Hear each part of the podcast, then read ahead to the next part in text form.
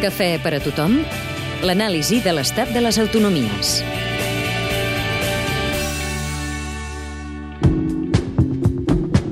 Extremadura. Capital. Mèrida. Governa. Partit Popular en minoria. Població. 1.109.367 habitants. PIB per habitant. 16.146 euros, el més baix de l'Estat. Índex d'atur. 32,05%, gairebé 8 punts per sobre de la mitjana espanyola. Principal motor econòmic. Indústria agroalimentària i sector serveis. Dèficit. 812 milions d'euros, el 4,59% del PIB. Pla d'ajustament. 549 milions d'euros. ¿Me pone un café? Sí, ¿Cuánto es? un euro.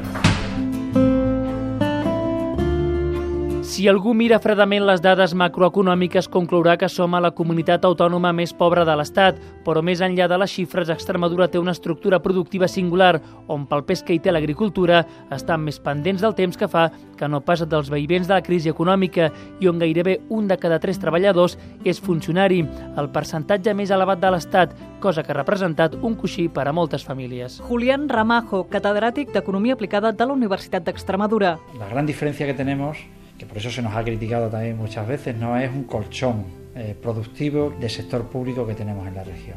Los vaivenes, digamos, macroeconómicos que se pueden producir en otras regiones, en esta región en particular, pues se ven amortiguados. Des de fa un any, amb José Antonio Monago al capdavant, el PP governa en minoria gràcies a l'abstenció d'Esquerra Unida. L'executiu extremeny lamenta l'herència d'anys de governs socialistes. Tenen el segon dèficit més elevat de l'Estat.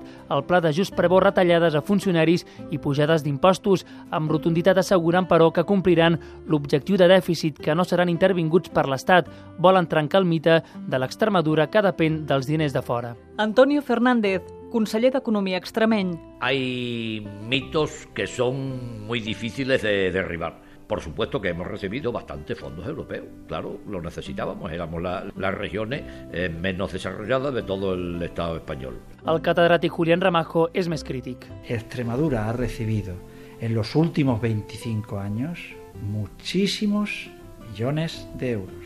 Y la pregunta que nos tenemos que hacer es cuál ha sido la rentabilidad de esos varios miles de millones de euros que se han recibido. Mi opinión es que con la cantidad de miles de millones de euros que hemos recibido en estos años tendríamos que estar en una posición mejor.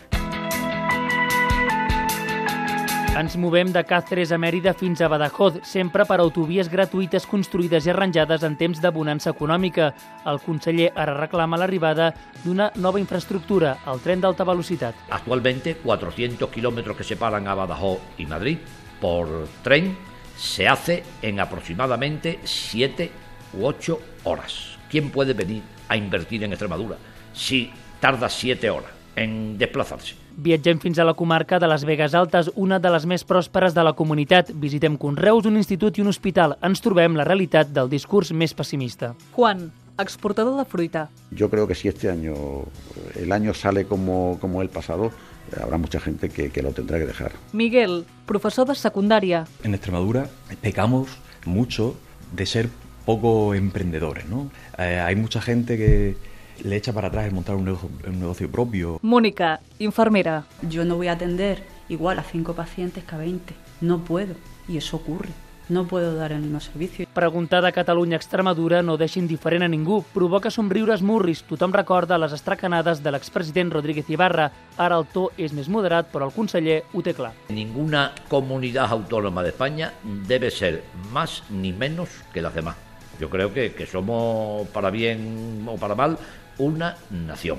Vamos a ser un poco solidarios entre todos. I el catedràtic matisa. Yo creo que en Cataluña hay una parte de la, de la demanda que hace que es razonable. Y eso antes o después tiene que llegar a escribirse en algún sitio. Y tampoco aquí que se dice, no, es que los catalanes también piden mucho y tal. Bueno, también es verdad que yo muchas veces lo digo, quien más aporta eh, también tiene derecho a pedir más. Cafè per a tothom, l'anàlisi de l'estat de les autonomies. Una sèrie de reportatges dels serveis informatius de Catalunya Ràdio.